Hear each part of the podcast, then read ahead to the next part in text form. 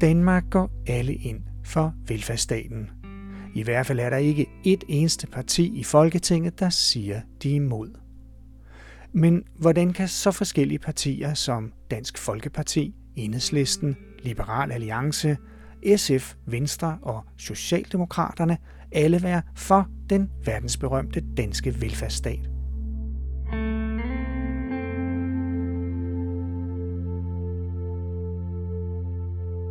Og så er der jo dem, der kalder velfærdsstaten for en konkurrencestat. Og det er, siger de, en måde at fremtidssikre vores velfærd på.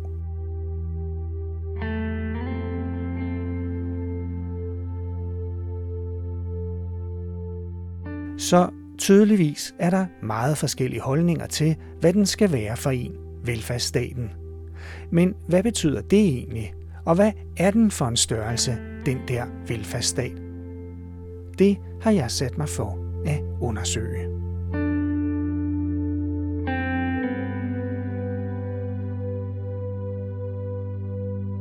Mit navn er Nalle Kirkvåg. Jeg arbejder som ekstern lektor på Københavns Universitet og på Roskilde Universitet. Og så har jeg en særlig helbredsmæssig udfordring, der gør, at jeg desværre har brug for støtte fra velfærdsstaten. Lige nu lytter du til det andet afsnit af podcastserien Velfærdsland. Denne gang fortæller jeg om mit første møde med velfærdssystemet, eller det, man vel godt kan kalde min første kamp med Velfærdsdanmark. Og det kan ikke gøres kort. Så derfor er hele dette afsnit dedikeret til min personlige fortælling om min kamp om at få adgang til hjælp. I den første podcast om velfærdsland fortalte jeg om den ulykke, der for 25 år siden gjorde mig handicappet, og om mit liv efter ulykken. Men i dette afsnit slår jeg dørene op og træder helt ind i velfærdslandet. Så velkommen til denne podcast om Velfærdsdanmark, der er produceret af Sandra Mia Suskov og Nalle Kirkvåg.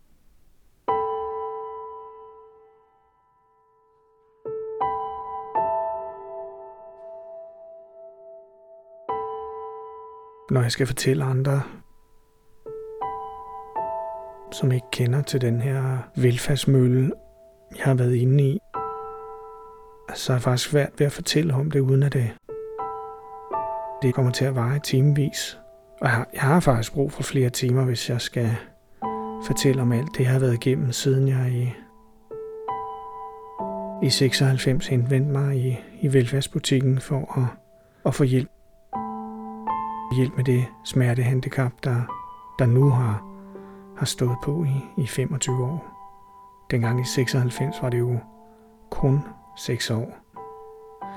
Og jeg har faktisk heller ikke talt på, hvor, hvor mange ansøgninger og, og breve, jeg gennem tiden har skrevet, eller hvor mange afslag jeg over, over alle de her år har modtaget.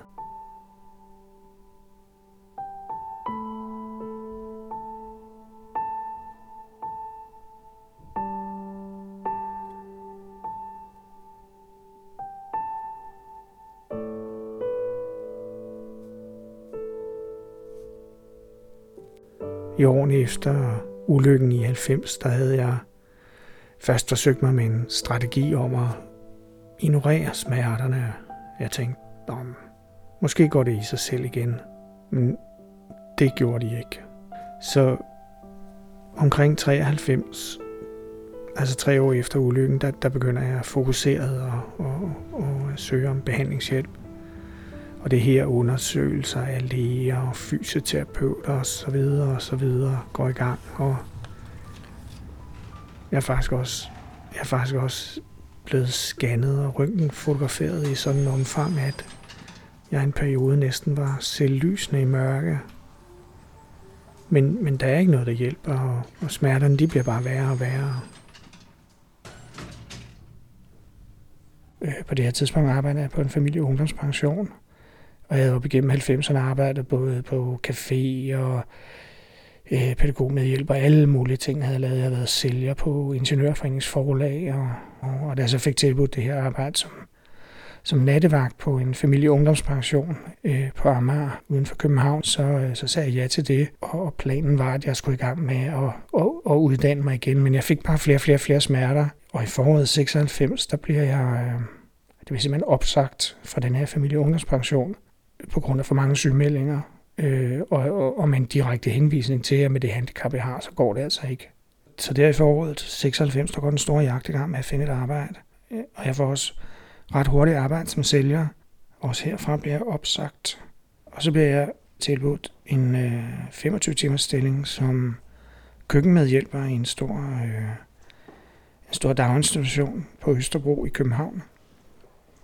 Jeg må, jeg må desværre sige nej til det her køkkenmedhjælperjob. Jeg, jeg, kan, jeg kan der i sommeren, jeg tror vi er henne i, i slutningen af august, starten af september, øh, 96, der må jeg se jo, at øh, det går altså ikke. Jeg, jeg, jeg, kan ikke. jeg kan ikke varetage et job 25 timer om ugen med så mange smerter.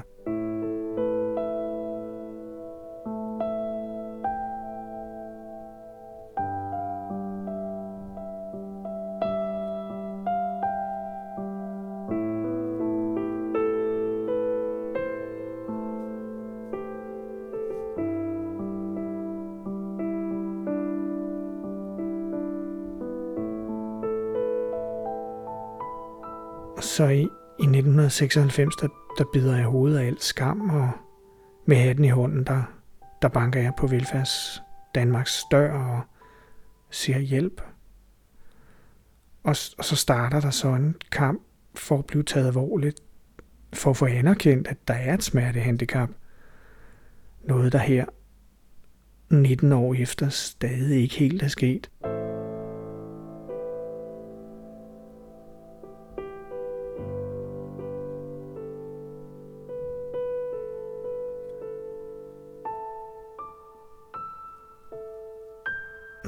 Måneder inden jeg i, i september 96 bad om hjælp, der, der kontaktede jeg øh,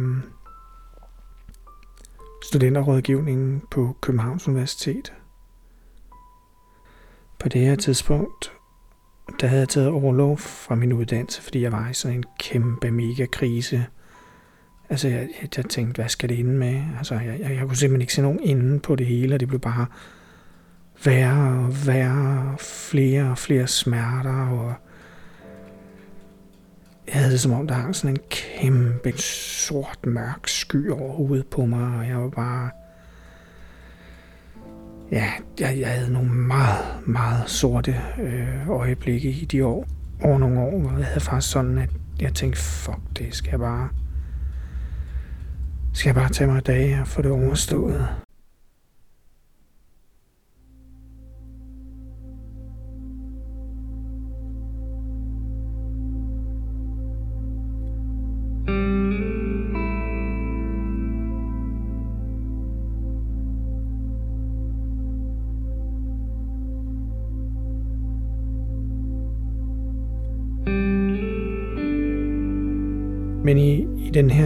Studenterrådgivning på universitetet, der, der anbefalede en socialrådgiver i stedet for, at jeg kontaktede kommunen for at få hjælp. For, for eksempel i form af en revalidering. Sådan helt kort, en revalidering det er en ydelse, der kan bevilges, hvis man ikke kan tage en uddannelse på almindelige vilkår. Og okay, som sagt, så gjorde de i september 96, der troppede jeg op på kommunen og sagde, dag, jeg har været ude for en trafikulykke for seks år siden. Jeg kunne godt tænke mig at, at få noget hjælp.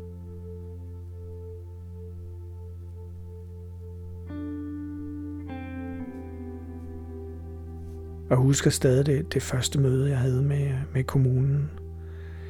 Og jeg, jeg, jeg, jeg, jeg kan stadig huske, hvordan jeg er helt fra den. Jeg, jeg, jeg synes, det var skamfuldt, ja pinligt, at jeg ikke bare kunne klare mig selv.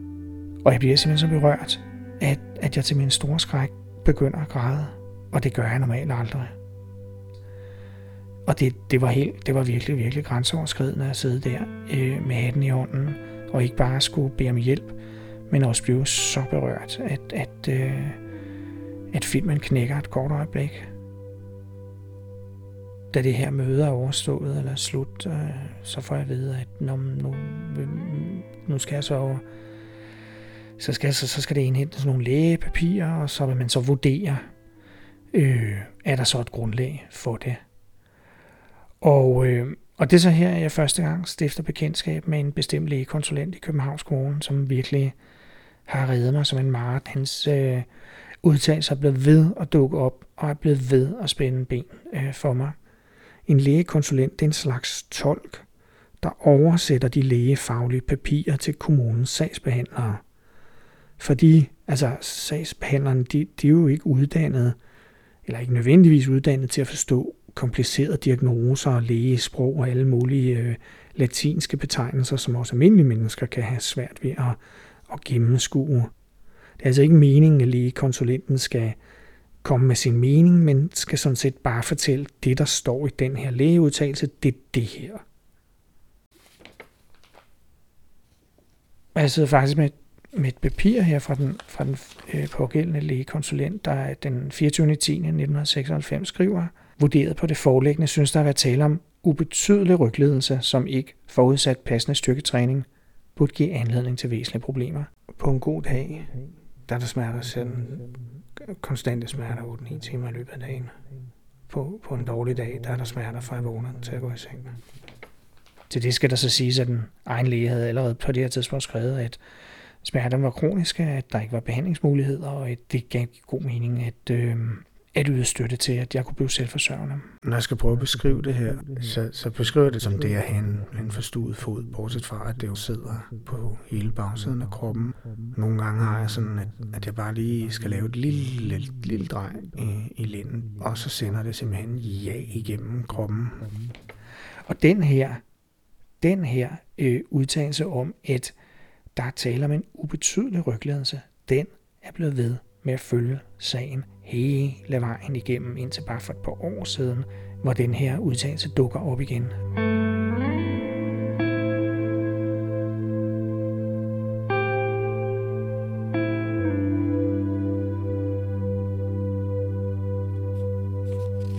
Den, øh, den 27. december 1996, der øh, skriver kommunen til mig, at øh, tak, men nej tak, vi, øh, vi afslår din ansøgning. Du er ikke berettiget til en revalideringsydelse.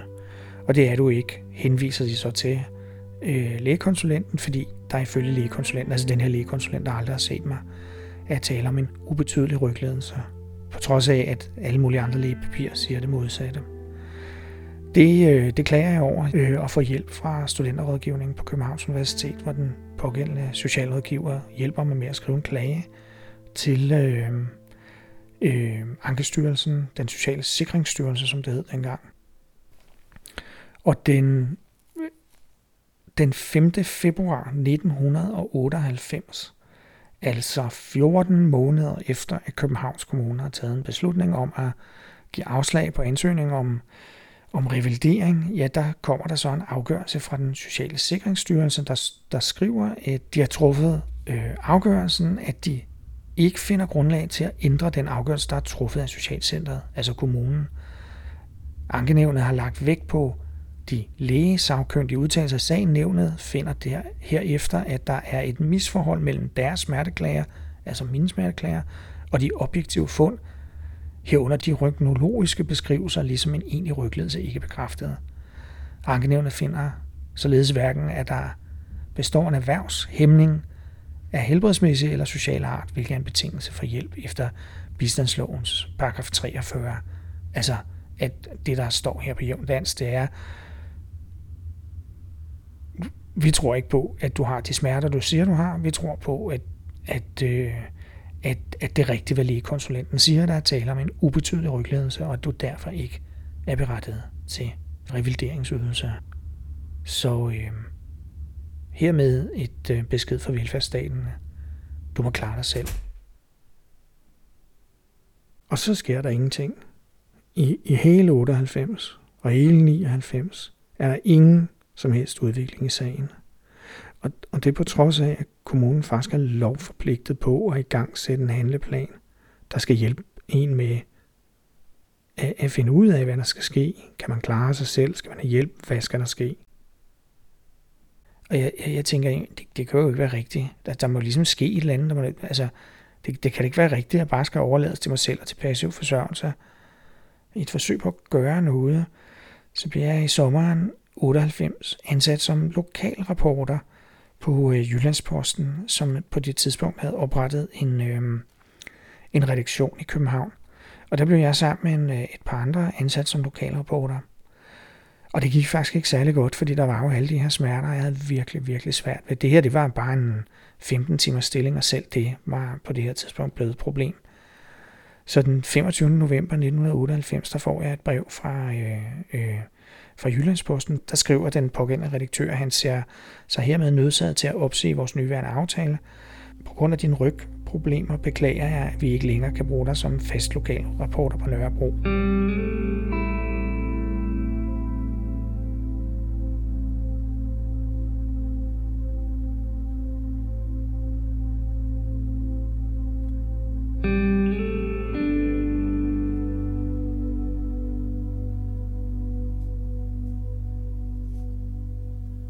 Tiden går og går og går, og jeg får bare flere og flere smerter. Så til sidst så, så tænker jeg, det kan ikke være rigtigt det her. Og så klager jeg. Jeg klager over, at der ikke sker noget. Og først der klager jeg over, der klager jeg til det her socialcenter, jeg har tilknyttet. Det sker der ikke noget ved. Så klager jeg til det samme socialcenters chef, men sender også en kopi af den her klage til borgmesteren. Og så sker der noget. og pludselig får jeg et svar, at nu skal der endelig ske noget. Puha, ja, ja, ja, ja. Og så går det hele i stå. Igen. Og det sker flere gange. Så over en cirka toårig periode, der klager jeg flere gange over, at der ikke er nogen udvikling i min sag, og at det er med til at fastholde mig i det her handicap, at det, det, det, det, det låser jo mig socialt og helbredsmæssigt og alt muligt. Og, og først næsten fire år efter jeg i september 1996 bad om hjælp, så gør kommunen det, de for længst burde have gjort, nemlig laver en handleplan og beslutter at undersøge, hvad der skal ske. Og så i, i, i sagen, så dukker der sig igen op en, øh, en sag for den her lægekonsulent, som jeg har snakket om tidligere. Han skriver så, at det lader til, at denne sag er kørt godt og grundigt fast. Som tidligere antydet, var der allerede i 96 på grund af mistanke om udvikling af sygdomsfixering. Altså her anklager den pågældende lægekonsulent mig for at være øh, en, der bare synes, det er fedt at være syg.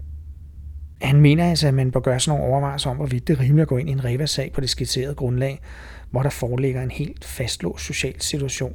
Det var et, øh, det var et notat fra den 24. februar 2000. Så skrev han så den 11. april, også 2000, at som tidligere omtalt er der ikke påvist betydelig ryglighed i denne sag, hvorfor han finder det vanskeligt at anbefale, at ansøgningen imødekommes. Det her det er en ret afgørende notat, fordi det er sådan, at efter daværende lovgivning, øh, så havde lægekonsulenter ingen ret til at sagsbehandle. De kunne alene oversætte lægepapirer fra hospitaler, læger og andet, men de måtte ikke indstille noget som helst. Og det gør han simpelthen her, den pågældende lægekonsulent. Han mener ikke, at det er relevant, at der ydes øh, en revalidering. I øvrigt tillader jeg mig endnu en gang at gøre opmærksom på, at denne klient er godt i gang med at udbygge sin karriere som kronisk rygpatient. Det skriver han simpelthen. Citat slut. Altså at det antydes af en lægekonsulent, som selv den dag i dag, altså selv her 14 år efter, undskyld, her 15 år efter, aldrig har mødt mig. Han anklager mig simpelthen for at spekulere i at være syg, at være, altså at have en karriere som kronisk rygpatient.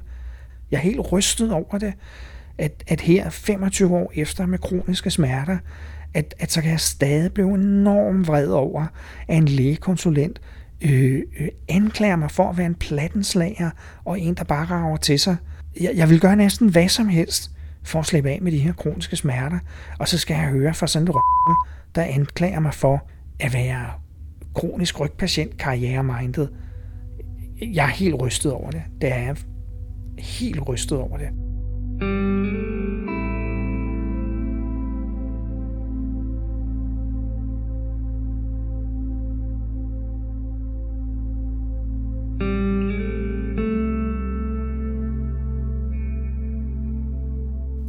Sætter nu en såkaldt forrevalidering i gang. For, formålet med sådan en forrevalidering, det er at undersøge, hvad der skal ske i en sag. Og i, og i mellemtiden er mit smertehandicap gået fra at være en, en, en, en betydelig, helt sikkert og omfattende smertelidelse, men primært i lænden, til at der nu er smerter i hele bagsiden af kroppen. Jeg har fået, jeg har fået koncentrationsbesvær, og jeg, jeg er svært ved at sove, og jeg har at jeg er blevet dybt, dybt depressiv efter i overvis har banket på Velfærds Danmarks dør for at få hjælp. Og det er i, i sensommeren 2000, så er der gået fire år. Og efter et længere forløb, hvor jeg observerer, så man kan se, om jeg er for real, eller som lægekonsulenten jo antyder, jeg er karrieresyg, altså en, der faker de der smerter, så jeg kan få den der fyrstlige sum på 10.000 kroner om måneden før skat. Men, men Reva Centeret, som, som før der også var en kommunal, øh, der også var en kommunal myndighed, og som er dem, der udfører det her observerende forløb, de konkluderer fuldstændig entydigt, at det ikke bare er der tydeligvis et betydeligt smertehandicap, det er også helt og aldeles fornuftigt at bevilge en revalidering. Så vil jeg kunne tage en uddannelse, og så kan der være et håb for, at jeg vil kunne klare mig selv på arbejdsmarkedet på almindelige vilkår. Så indkaldes jeg til et møde, og, og, og på det her møde, ja, der siger den her souschef fra kommunen, at man altså beklager, at der er gået alt den tid, og at, som der jo er gået, fordi kommunen har, har brudt loven, man beklager også, at, at, at man har været med til at producere den her fastlåste social situation, og ja, det skal der lige love for efter fire år på passiv forsørgelse, og at der, tada, faktisk nu kan anerkendes, at der vidderligt er tale om en betydelig og varig smertelidelse. Og det vil sige, at kommunen går herind og overruler den her lægekonsulent.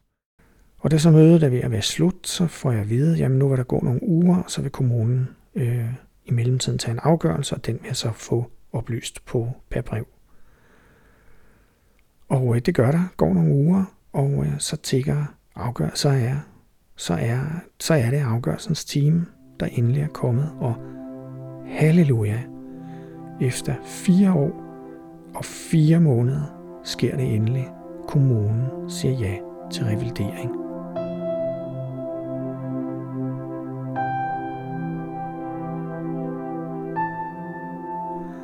Dog en periode på maks 3 år, hvor efter jeg, som der står i deres afgørelse, er kompenseret.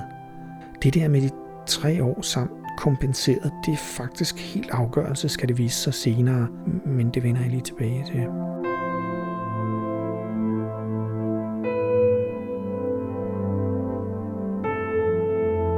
Ja, så er vi fremme ved starten af 2001, og så starter jeg igen på Københavns Universitet, så jeg kan gøre min bachelorgrad i psykologi færdig. Det er forudsætningen for, at jeg kan tage uddannelsen på RUG to år hurtigere, end man ellers ville skulle.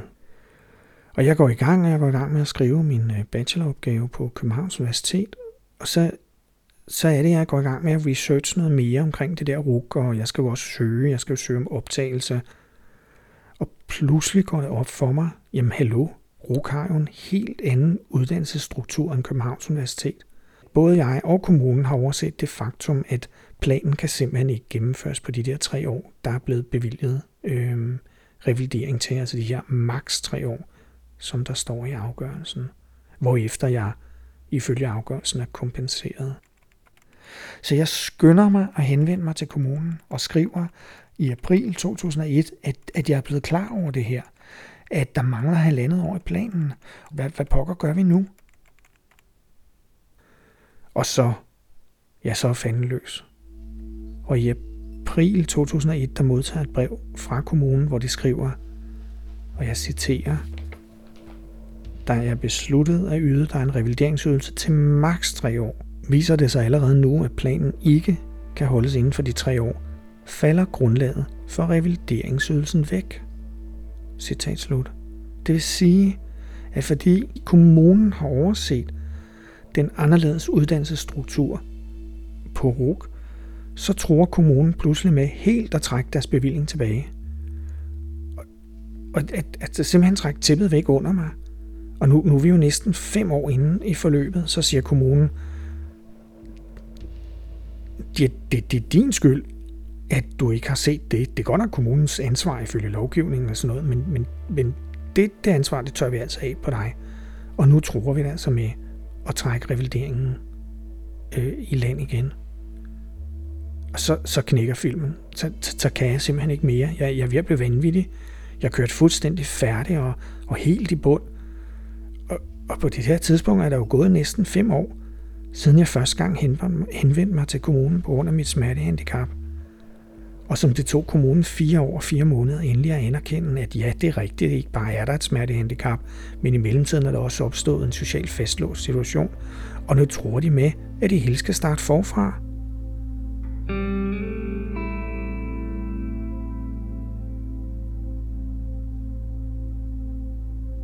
Så i bare desperation, og også fuldstændig nedbrudt, som jeg er, for ikke at gøre skade på mig selv efter den her årlange kamp med Velfærds Danmark, ja, så kontakter jeg en politiker i borgerrepræsentationen, som, som byrådet hedder i København. Her viser det sig nemlig, at der er én politiker, der sidder i den her borgerrepræsentation, som er uddannet som socialrådgiver. Og så tænker jeg, nej, en socialrådgiver og en politiker i sig en og samme person. Ej, måske, måske, måske kan hun hjælpe, for det kan da ikke være rigtigt, hvis jeg nu skal til at bruge to, eller tre, eller fire, eller fem år en gang til, for at nå frem til det samme punkt,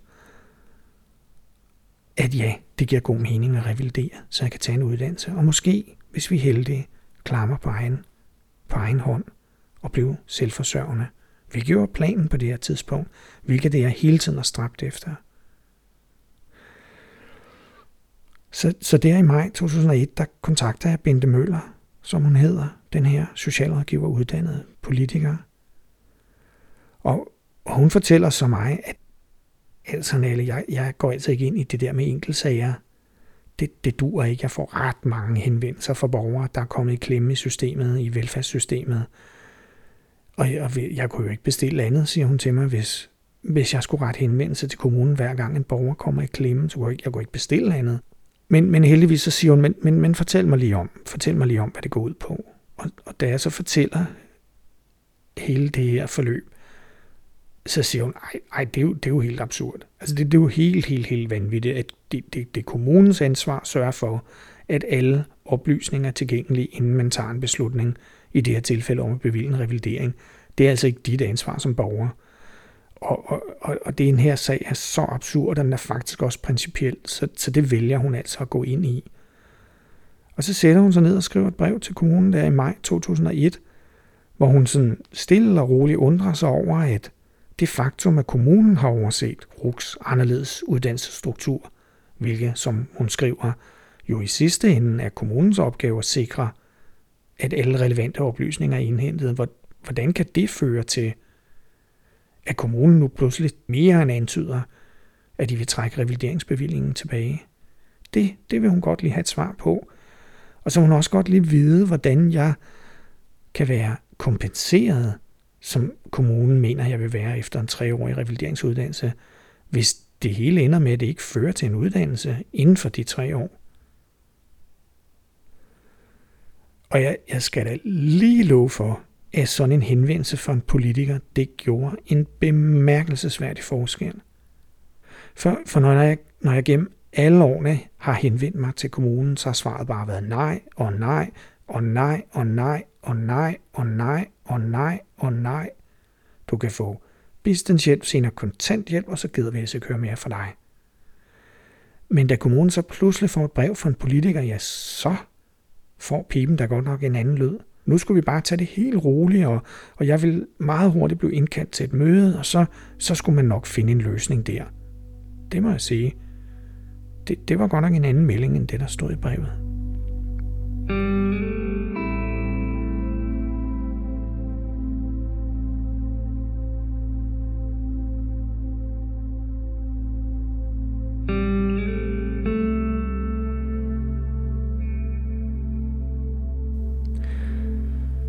Og i sommeren 2001, ja, så skal jeg så til det her omtalte møde. Her er Bente Møller med som bisidder. Altså den her socialrådgiver uddannet politiker, som havde skrevet brevet til kommunen. Og jeg skal lige love for, at det der møde, det, altså, det var nærmest en fuldstændig surrealistisk oplevelse. Og vi, øh, vi får så at vide, at vi skal sætte os ned og vente. Det skal man altid gøre. Man venter og venter og venter. Jeg kan, jeg kan slet ikke tælle, hvor mange timer jeg har ventet i det her system over årene. Så vi sætter os ned og venter. Og der går overraskende kort tid, så kommer der en sagsbehandler ud. Og, og Bente, hun siger, jamen, der, jeg hedder Bente Møller, og det kan godt være, at du lige ved, hvem jeg er. Ja, det gjorde hun. Og Bente Møller, hun siger, jamen, du ved måske også, at jeg er politiker og sidder på repræsentation. Jeg er altså ikke med som politiker. Jeg er simpelthen med som privatperson. Jeg er uddannet socialrådgiver, og jeg har lovet Nalle at tage med her, fordi der er noget i den her sag, som ligesom må på plads. Det, der, der er et eller andet her, der ikke hænger sammen. Og så, så kigger alle på mig, og jeg siger, jamen, du, du er jo indkaldt til det her møde siger til den her pågældende socialrådgiver, ja, der var jo så noget med den her sag, og der var jo ligesom blevet bevilget på et forkert grundlag, fordi jeg havde jo ikke, nej, siger jeg så allerede her, nu er det jo ikke mig, der skal sørge for, at de her oplysninger er korrekte. Ja, det var også rigtigt. Og, og, og, og vi skulle bare vide, at, at det her møde var jo en alene indkaldt for, at der kunne findes en løsning. Og her sidder jeg fem år efter og tænker, okay, det er jo dejligt, der er indkaldt til en, en, et møde for at finde en løsning hvorfor hulen havde man ikke gjort det allerede for fem år siden? Jeg, jeg tænker på, hvor mange penge, der er brugt. Altså ikke bare, at, at jeg i fem år havde modtaget passiv forsørgelse, men også på alle de timer, socialrådgiverne havde brugt, på de timer, der var brugt øh, øh, fra politikere og alle mulige embedsmænd, der skulle tage stilling til mine klager. Så siger vi alle sammen, det var da, det var da dejligt møde, og øh, det var da dejligt, at, at man som myndighed øh, påtager sig sit ansvar. Øh, noget, der jo ikke var sket, hvis ikke jeg havde henvendt mig til den her politiker, så ville man med allerstørste sandsynlighed have øh, øh, aflivet den her revalideringsydelse, og, øh, og så ville jeg jo øh, ikke have fået taget min uddannelse, fordi hvordan jeg nogensinde skulle have kunnet finansiere det selv, øh, det, det, det aner jeg simpelthen ikke. Men, men, men fordi jeg var så sindssygt heldig at få en socialrådgiver uddannet politiker til at gå ind i sagen, hvilket gjorde hele forskellen, ja, så ender det altså med, at jeg kan gå i gang med at uddanne mig til journalist på, øh, på Roskilde Universitet. Og der går et lettelsens suk igennem mig, fordi endelig, endelig kan jeg flytte disse enorme ressourcer, jeg har brugt på at tilkæmpe mig en revalideringsydelse, sådan at jeg kan tage mig en uddannelse og forhåbentlig blive en aktiv og bidragende borger, der kan tjene mine penge, betale min skat og i et eller andet omfang klare mig selv.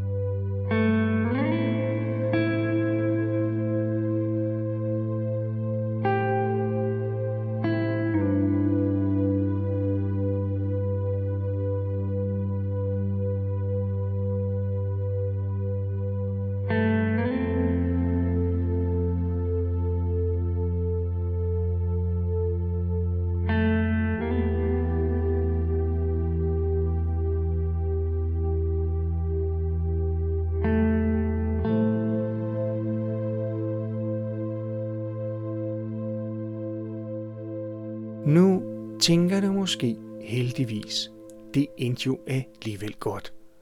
Og jo, det gjorde det jo også på sin vis. Men, og det er ikke for at lyde utaknemmelig, men derefter fem års slåskamp med kommunen, så var jeg altså så nedslidt og opbrugt, at det desværre fik nogle langvarige konsekvenser. Men mere om det efter sommerferien. Hvis du ikke allerede har hørt første afsnit af Velfærdsland, og du nu har fået lyst til at høre mere, ja, så kan du finde første afsnit på netudgaven.dk, Soundcloud eller Facebook, hvor du nemt kan finde os ved at søge på Velfærdsland. I den næste podcast kan du derimod møde socialrådgiveren på Xaba.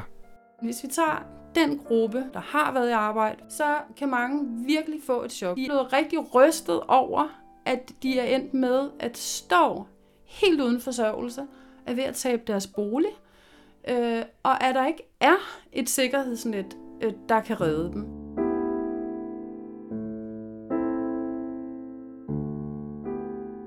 Du kan også høre mere om Stefans, kampen om stoleliften,